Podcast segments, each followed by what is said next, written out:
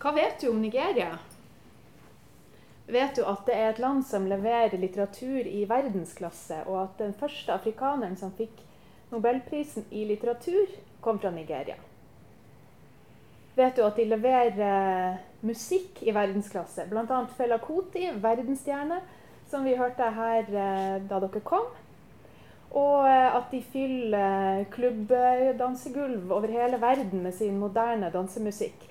Også Trondheim. Det kan jeg vitne om, for jeg har spilt mye nigeriansk musikk som har eh, trondhjemmere har dansa seg svett og lykkelige til her i Trondheim. Vet du at eh, terrakottaskulpturen dere ser på bildet her, eh, er datert til et sted mellom 500 år før og 500 år etter vår tidsregning? Så da hadde de altså avansert sivilisasjon der. Vet du at de har 206 millioner innbyggere?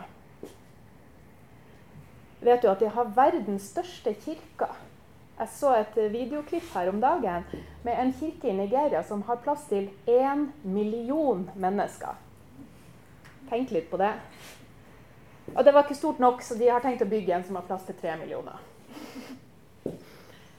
Kanskje har du hørt om eh, Boko Haram? Kanskje har du hørt om eh, Biafra-krigen og sett bilder av eh, barn med fyrstikktynne bein og oppblåste mager og fluer i ansiktet? Det er også en del av Nigeria og Nigerias historie. Men det er en så eh, liten og veldig begrensa del av det Nigeria er. Eh, dere ser på bildet her hvor det befinner seg på verdenskartet. Og det er også verdt å merke seg at det egentlig er mye større enn det ser ut der. fordi dette er jo en kule som er gjort flat, sånn at eh, land som Norge nær pol, polene vil bli forstørra og land nær ekvator vil se mindre ut. Som jeg var inne på, så var det sivilisasjon der eh, langt, langt tilbake. Og det var store, mektige riker på, eh, i middelalderen. Så kom jo eh, slavehandelen og eh, misjonering og eh, kolonisering. Og landet ble en eh, engelsk koloni. Det er jo hovedsakelig Frankrike som har kolonisert eh, Vest-Afrika. Men dette var da eh, Storbritannias juvel i denne rivaliseringa, evigvarende rivaliseringa mellom Frankrike og England.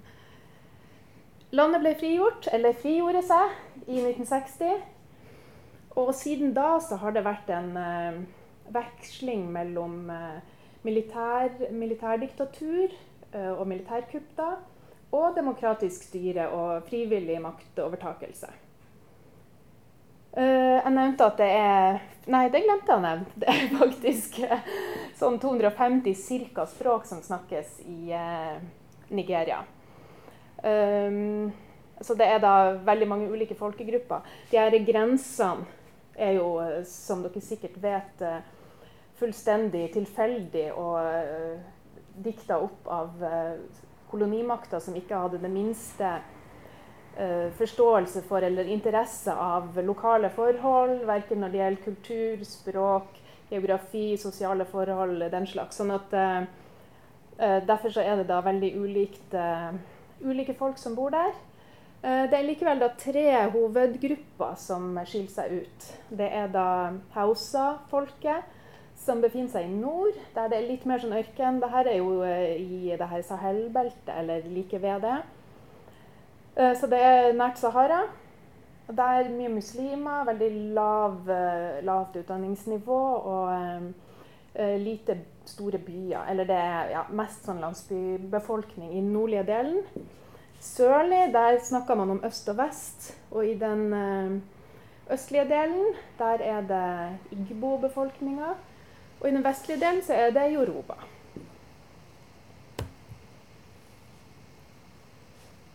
Som jeg snakka om i stad, så var det jo eh, sivilisasjoner der fra eh, langt tilbake. Og vi har eh, litterære kilder fra sånn ca. 1400-tallet.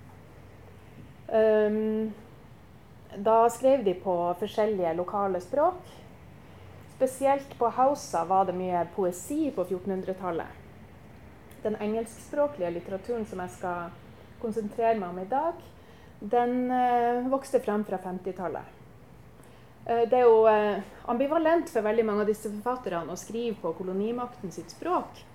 Men når de likevel har valgt å gjøre det, så har de begrunna det med at eh, de vil nå ut til flest mulig. Hvis de velger å skrive på sitt eget språk, så vil de jo ikke nå ut til alle i sitt eget land engang. Så ved å skrive på engelsk så når de ut til ikke bare alle nigerianere, men også en veldig stor del av verdens befolkning. Og det har de i høyeste grad gjort med sin litteratur. En liten sånn morsom detalj er jo at den første statsministeren i Nigeria faktisk var forfatter. Uh, det er et veldig aktivt og stort eh, litterært miljø i Nigeria. Mye sentrert rundt litterære tidsskrift og forlagshus. Det er hovedsakelig da i de her Spesielt i øst, men også i vest. mye forlagsvirksomhet og litterær virksomhet. Jeg har skrevet opp noen uh, mer eller mindre tilfeldig valgte navn på uh, uh, tavla her. Det er både noen fra 50-tallet og noen som er aktive i dag, som står der. Det er, og det her er bare en sånn forsvinnende liten del av alle nigerianske forfattere som har hatt internasjonale gjennombrudd. Øverst står Chinua Achebe. Han skal jeg komme tilbake til etterpå. Han er liksom nestor innen nigeriansk litteratur. Wallace og Jinka han fikk eh, Nobelprisen i litteratur i 1986. Han skrev hovedsakelig dramatikk.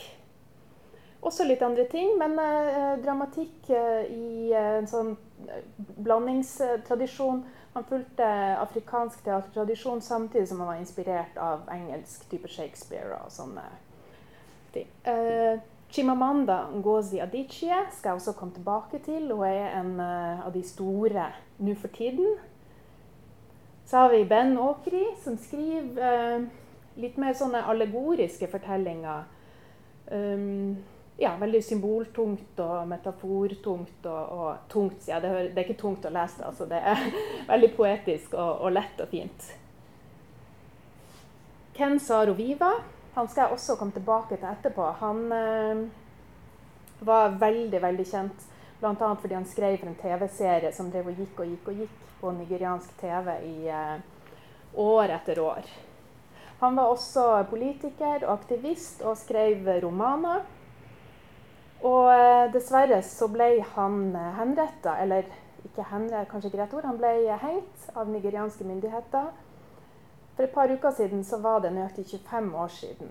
Og det var pga. hans eh, protester mot Shell sin oljevirksomhet i Nigeria. Som de da hadde en avtale med nigerianske myndigheter om. Den førte til eh, forurensning av drikkevann og ødela fiskeressursene og sånt. Så det var et stort problem for eh, lokalbefolkninga der de drev med det.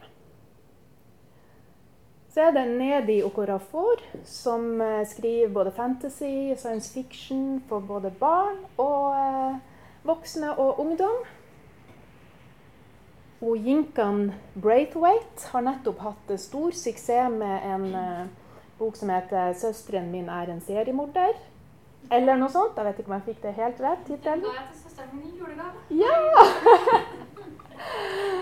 uh, og den var det venteliste på sist jeg sjekka på Trondheim folkebibliotek. Så den har gjort det stort. Og den er blitt kategorisert som krim her i, i biblioteket. Så har vi Christopher Okigbo, som uh, var en samtidig av Chinua Achebe og skrev poesi i verdensklasse. Ifølge Achebe, som, og Okigbo han uh, verva seg i Biafra-krigen, som jeg skal fortelle litt mer om etterpå. Og uh, døde dessverre der. Så har vi Chigozie og Bioma, som også har gjort stor suksess med The Fisherman. Eller Elven, tror jeg den norske oversettelsen av den heter. Um, den er da kortlista for, til The Man Booker Prize. Det er også en stor uh, suksess. Så har jeg skrevet opp Flora Nwapa, som var den første kvinnelige nigerianske forfatteren som fikk kontrakt med et uh, britisk uh, bokforlag. Uh, det var på 60-tallet. Og så har jeg skrevet opp Igoni Barrett, som har skrevet en bok Eller han har skrevet flere bøker. Han er også en av de unge sånn fremadstormende nigerianske forfattere som har skrevet en bok om en uh, svart mann som våkner opp en dag og er blitt hvit, bortsett fra rumpa. Og den boka heter 'Black Ass'.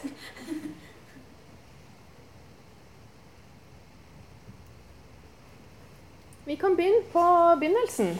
Starten på moderne engelskspråklig nigeriansk litteratur. Det er en munnfull, den eh, overskrifta der, men det skal være rett.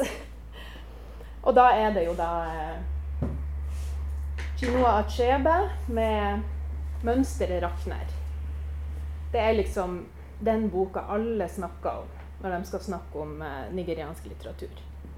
Jeg fikk min uh, utgave av den boka fra ei som er universitetslærer uh, på et amerikansk universitet. Og hun har undervist den på en sånn uh, engelskklasse der. Og det sier ganske mye om statusen den boka har. Den kom i 1958.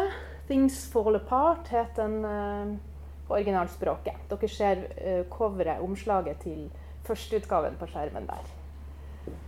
Den uh, er lagt, Handlinga er lagt til 1890-tallet, når uh, misjonærene kommer til et landsbysamfunn i Nigeria. I Øst-Nigeria. Så uh, de to, første to tredelene av boka blir brukt til å etablere det miljøet.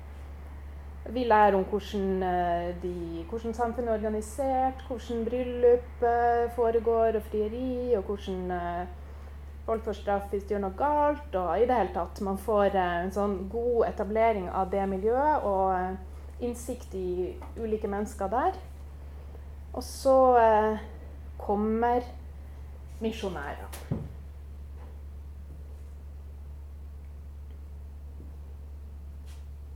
De vil ha et stykke land hvor de kan bygge helligdommen sin, sa Ochendo til sine feller da de, da de rådslo seg imellom om dette.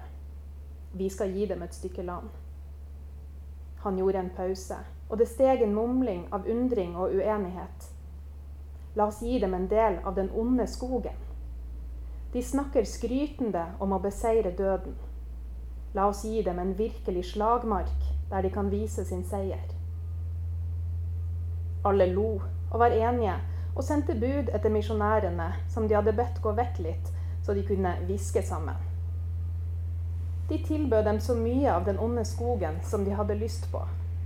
Og til deres store forbauselse sa misjonærene takk og stemte opp en sang. De skjønner ingenting, sa noen av de eldste. Men de kommer nok til å skjønne det når de går ut på jordstykket sitt i morgen tidlig. Dermed gikk de hver til sitt. Neste morgen begynte faktisk de forrykte menneskene å rydde litt av skogen og sette opp huset sitt. Innbyggerne i Mbanta var sikre på at disse folkene ville være døde i løpet av fire dager. Den første dagen gikk, og den andre, og den tredje, og den fjerde. Og ingen av dem døde. Alle undret seg. Og så ble det kjent at den hvite mannens fetisj eide en utrolig kraft. Det ble sagt at han gikk med glass foran øynene, slik at han kunne se og snakke med onde ånder. Ikke lenge etter vant han sine tre første proselytter. Og det er da selvfølgelig at ting faller fra hverandre, at mønsteret rakner. Det som gjør det her til god litteratur, foruten at det er godt språk og fine litterære virkemidler som er brukt, det er jo at den er veldig nyansert fortalt. Ingen, verken eh, landsbybefolkninga eller misjonærene blir demonisert eller idyllisert.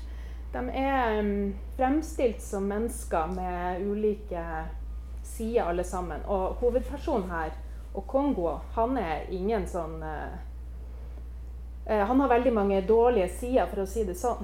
Likevel så får man jo sympati med, med landsbybefolkninga, og man skjønner jo at disse engelskmennene har ingen rett til å komme dit og gjøre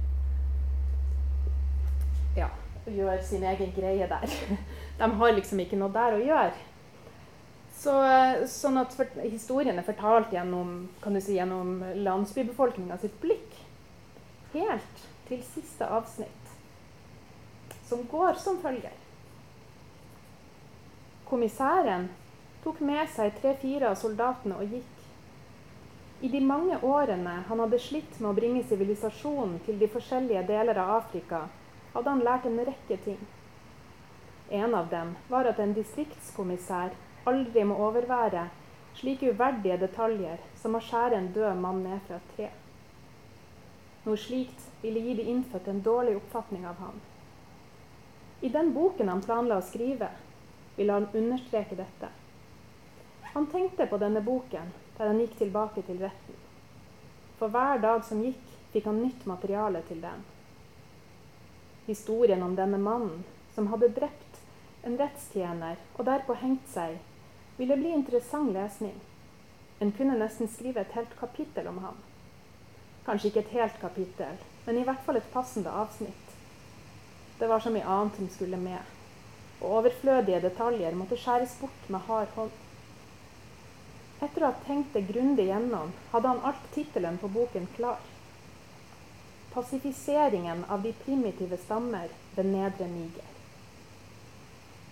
Så her har vi eh, kolonimakten sitt blikk gjennomført i det siste avsnittet.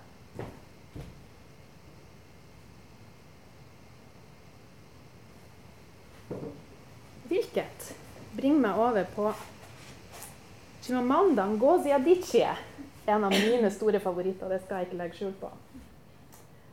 Uh, hun har gitt ut uh, flere romaner og også en novellesamling. 'The Thing Around Your Neck'.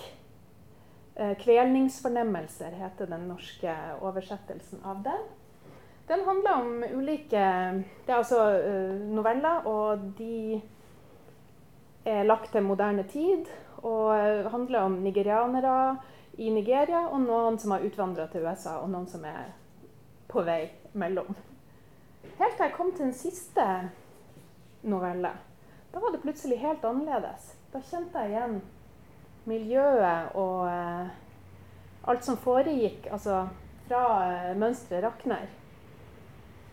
Så viste det seg jo da at eh, det er en direkte Hun har skrevet eh, om en av konene i mønsteret Rakner. Fordi Gino Achebe, en uh, høyt ansett forfatter, og alle moderne nigerianske forfattere som jeg har hørt om, Jeg er veldig glad i han og setter han høyt. Og, men som en mann av sin tid så skrev han jo om menn. Så det Achebe gjør, er at hun da Nei, unnskyld, Adichie gjør, det er at hun tar, plukker fram en av konene her og forteller eh, hennes historie. Og videre følger den i noen eh, generasjoner. Sånn at til slutt så er det da en datter, Grace, som har vært i byen og fått seg universitetsutdannelse. Så kommer hun tilbake til den landsbyen der. Jeg peker hit der på den eh, Mønstre Rakner-boka. Eh, fordi bestemora ligger for døden. Og her, det her blir på engelsk, da, for jeg har bare engelske utgaven av den her. Her står det Grace put down her school bag, inside of which was her textbook with a chapter called The Pacification of the Primitive Tribes of Southern Nigeria by an administrator from Worcestershire who had lived among them for seven years.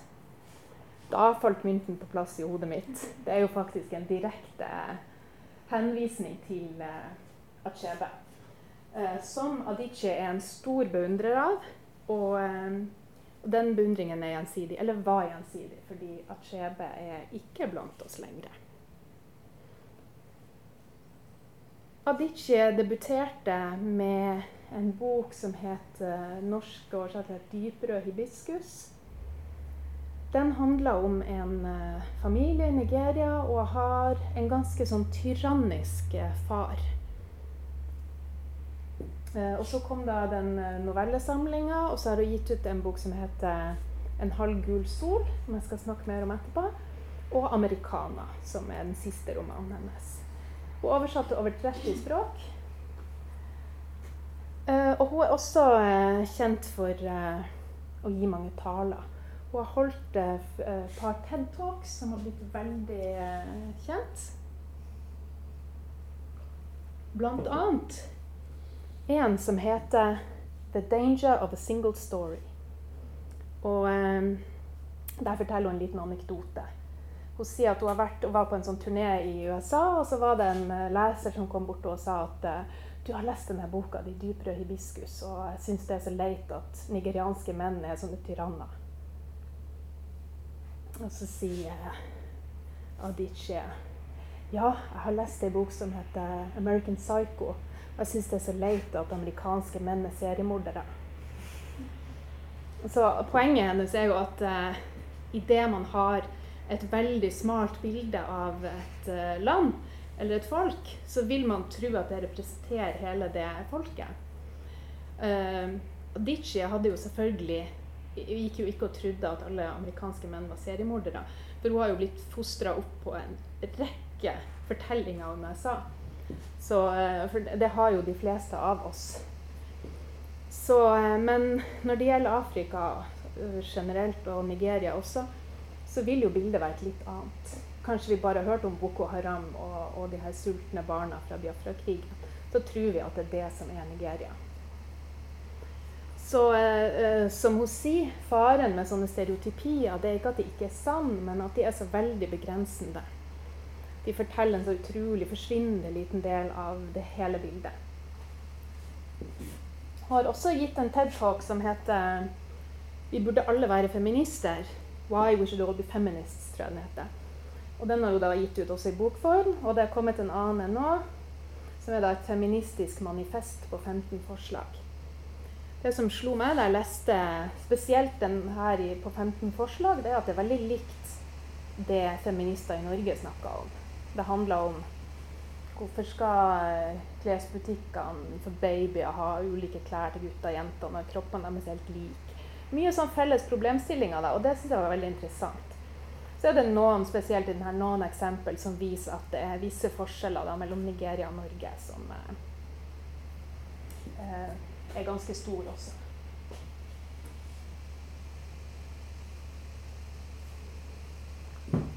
Som sagt, hun er en god taler og har faktisk blitt sampla av Beyoncé. Den feminist-TED-talken hennes tror jeg det som var med på en Beyoncé-låt.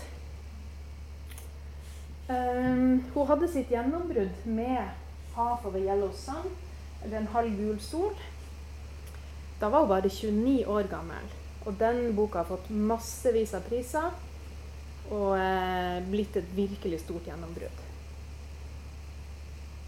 Den skal jeg snakke mer om. Jeg skal bare helt kort fortelle dere hva Biafra-krigen er for noe.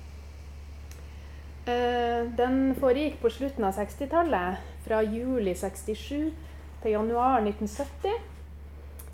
Og jeg skal ikke gå inn på alle de bakenforliggende politiske Eh, prosessene i forkant, for det har jeg ikke tid til. Men eh, det var i hvert fall sånn at etter et par militærkupp som førte til uro, så ville Igbo-delen av Nigeria, helt nede i øst, sørøst, frigjøre seg. De gjorde så og oppretta republikken Biafra.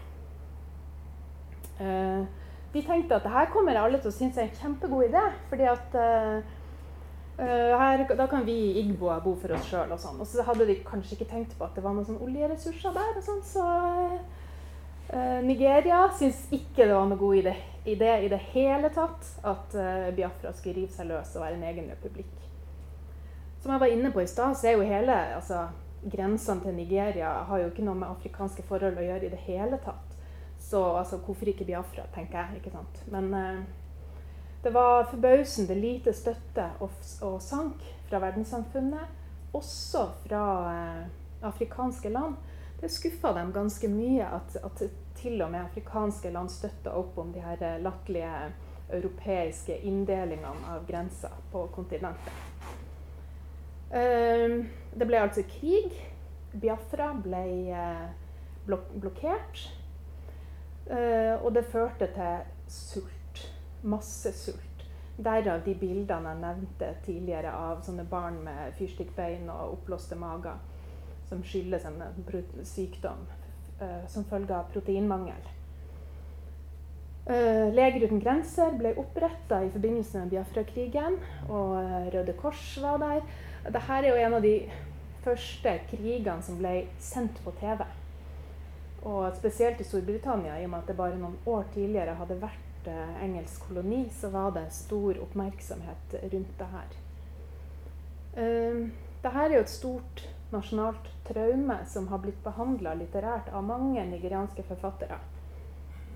Hvis dere ser på, på skjermen her, så ser dere eh, Biafra-flagget.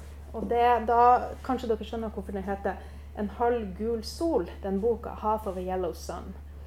For der er det da avbilde av det som med litt god vilje kan være en halv gul sol. Eh, og hvis dere husker hvor Nigeria ligger plassert på Afrikakartet, så er det ei bukt like under der. På det tidspunktet het den Biafra-bukta. Men etter denne krigen så har de endra navn på den til Guinea-bukta.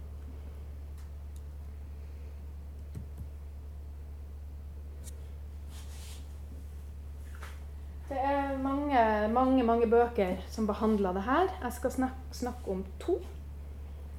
To veldig, veldig forskjellige bøker. Um, 'Half of a Yellow Sun', 'En halv gul sol', handler om den er lagt til et uh, intellektuelt universitetsmiljø i Nsukka, som er en universitetsby. Um, der uh, følger vi tre fortellere. Det ene er Olanna, som er universitetsansatt. Og kjæreste. Dette er veldig progressive folk, så de var ikke gift, de var kjærester. Hun er kjæreste med en annen universitetsansatt. De er revolusjonær og veldig politisk aktiv. De, har, eh, de inviterer andre fra universitetsmiljøet på kveldstid og sitter og snakker om masse politiske ideer. Og så du får et veldig sånn innblikk i uh, det miljøet. Og for meg i hvert fall så blir det veldig gjenkjennelig, da. Og det virker ikke så fjernt, og det er kanskje ikke det mange forbinder med Afrika, det miljøet som skildres her. Uh, det er veldig, altså veldig intellektuelt. Så den andre fortelleren det er Ogo, som er tjenestegutt i dette hjemmet, for også revolusjonære tjenere. eh, og så er det Richard, som er en eh, britisk eh, journalist som ønsker å være forfatter. Og da bor i eh, Nigeria og blir kjæreste med Kainene, tvillingsøstera til Olanda. Så han eh, skriver litt om eh, Biafra-krigen når den etter hvert skjer. Hjem til britiske medier og blir veldig irritert på de her andre journalistene som kommer dit fra Vesten og ikke vet noen verdens ting. og ifølge han da feilrapporterer fra krigen og, og repeterer sånne dumme oppfatninger som vestlige folk har om Afrika. Soza Boy, derimot, den har jeg bare på engelsk tror ikke den er oversatt, og jeg kan ikke forestille meg at det er noe god idé å oversette. For den er nemlig skrevet på Rotten English. Den har undertittelen 'A Novel in Rotten English'. Uh, jeg må bare skynde meg å si med en gang at uh, det er ikke fordi at Saro Viva ikke kan ordentlig engelsk at han har skrevet denne boka på den måten. Det er et bevisst litterært virkemiddel som virkelig fungerer bra. Uh, den er da skrevet på en, slags eh, pidgin-engelsk. Altså et språk som henter inn elementer fra hovedsakelig engelsk, men litt eh, også fra lokale språk. Og det kjennetegnes en veldig enkel grammatikk og et ganske lite ordforråd. Det høres kanskje ut som et dårlig utgangspunkt for en roman, men uh, det er det ikke. um, I denne så får vi altså en veldig grundig politisk kontekst for uh, Biafra-krigen. I denne får vi ingen politisk kontekst. Jeg skal gi noen eksempler på det. Jeg må bare ha bitte litt vann først.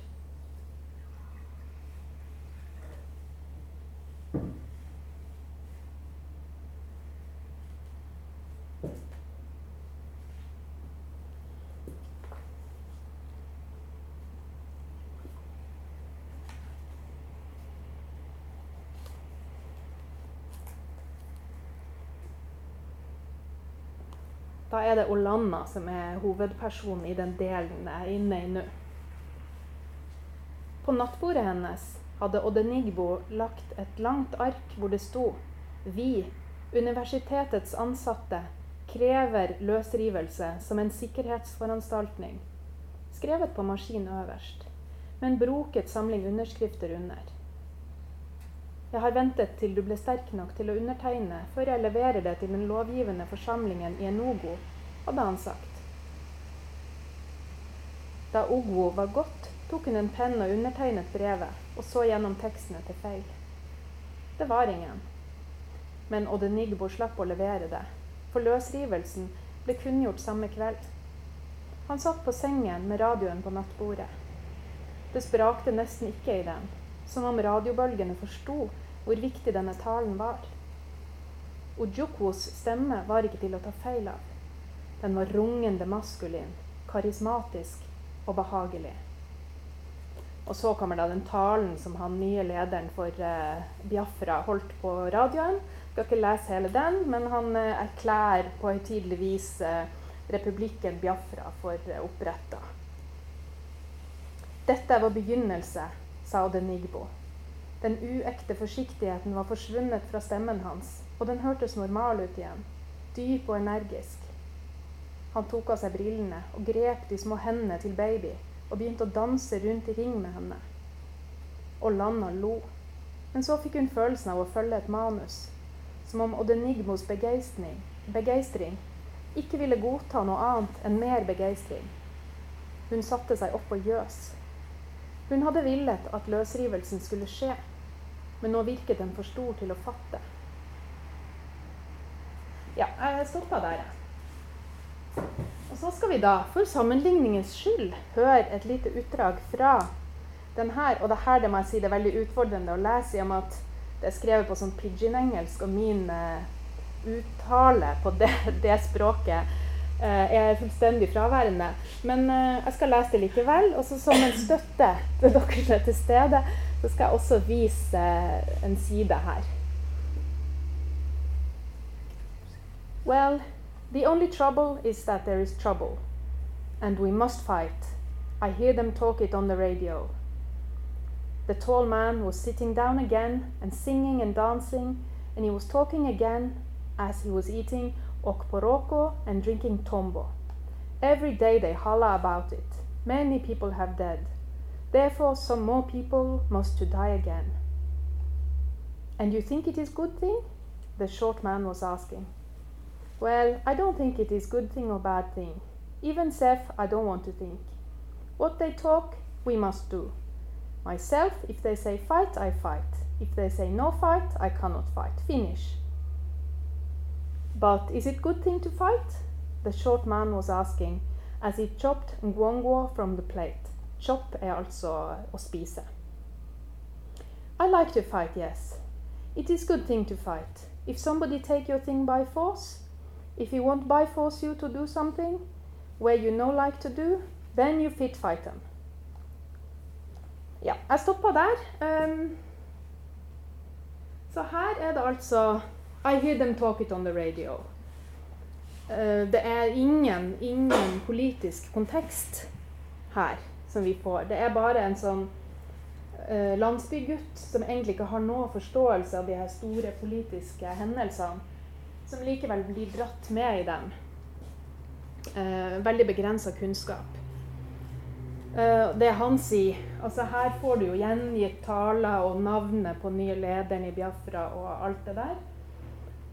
Mens her så er det da um, han, han, sier det kommer noen til landsbyen, og de snakker stor grammatikk og lange, lange ord. Det er liksom, altså Hvis du ikke vet det på forhånd, så vet du ikke hvilken krig det er snakk om engang. Det er heller ikke lett å forstå hvilken side i krigen han kjemper for. For han begynner etter hvert å kjempe i denne krigen fordi han syns de har fine uniformer, og, og jenter som han er forelska i, vil ha en mann som kan beskytte henne. Altså, veldig sånn eh, naiv og eh, lite eh, du blir ikke involvert i det storpolitiske i det hele tatt, sånn som i en halvgul sol. Um, og her er det jo også alt fortalt i første person, så du får bare tankestrømmen til denne hovedpersonen hele tida. Uh, og som jeg sa, så er det pidgin-språket kjennetegna ved et uh, lite ordforråd. Men uh, det er utrolig fint å lese. Altså, det, det, er en poesi der, det er en humor, det er en varme. Han har noen helt fantastiske metaforer. mens den her da har et veldig rikt språk, og du får ja, den her store innsikten som jeg snakka om. Så ved å lese den her, så kan du få stort innblikk i Biafra-krigen og hvorfor den uh, fant sted. Uh, men nå er det ikke derfor man skal lese denne boka. her. Det er fordi det er god litteratur. Det handler om mennesker, mellommenneskelige forhold, svik og mot og kjærlighet og alle de her tingene som alle mennesker driver og baler med. Det er det den handler om. Og halve boka finner sted tidlig på 60-tallet, før krigen. Så derfor så får du etablert et veldig sånn uh, Eh, du får etablert miljøet veldig godt, og man, man, skjønner at når denne krigen kommer, to og et halvt år med krig, så er det en unntakstilstand. Det er en krise for alle de menneskene. Det er ikke en sånn har vi det her-greie som kanskje vi innimellom kan tenke når vi hører om en eller annen Oi, en krig i Afrika igjen, eller noe sånt. Så uh, jeg ser at tida går uh, fort her, men uh, jeg nevnte at i det utdraget jeg leste fra denne, så sto det 'chop', og det betyr å spise. Og så nevnte jeg også at i boka her så er det en engelsk reporter som er litt irritert over måten Biafra-krigen blir rapportert i vestlige medier.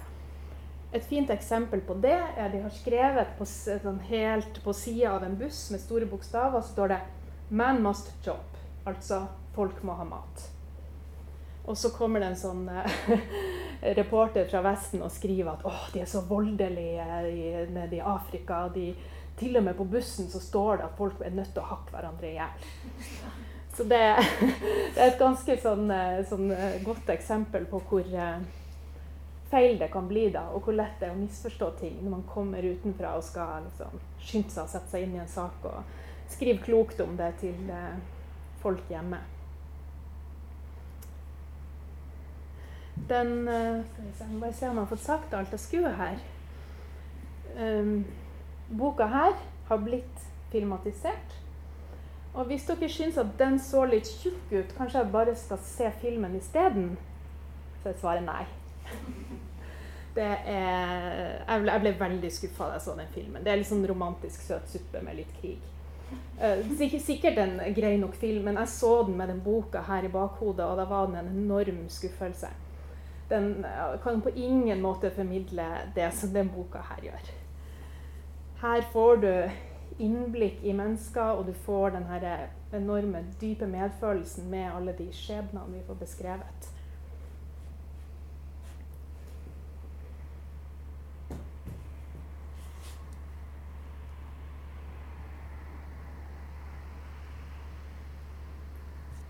Hvis det ene ønsker at dere skal ta med dere fra det foredraget her, så er det jo først og fremst at uh, Nigeria har litteratur i verdensklasse innen et rikt utvalg med sjangre, og som er virkelig, virkelig verdt å lese.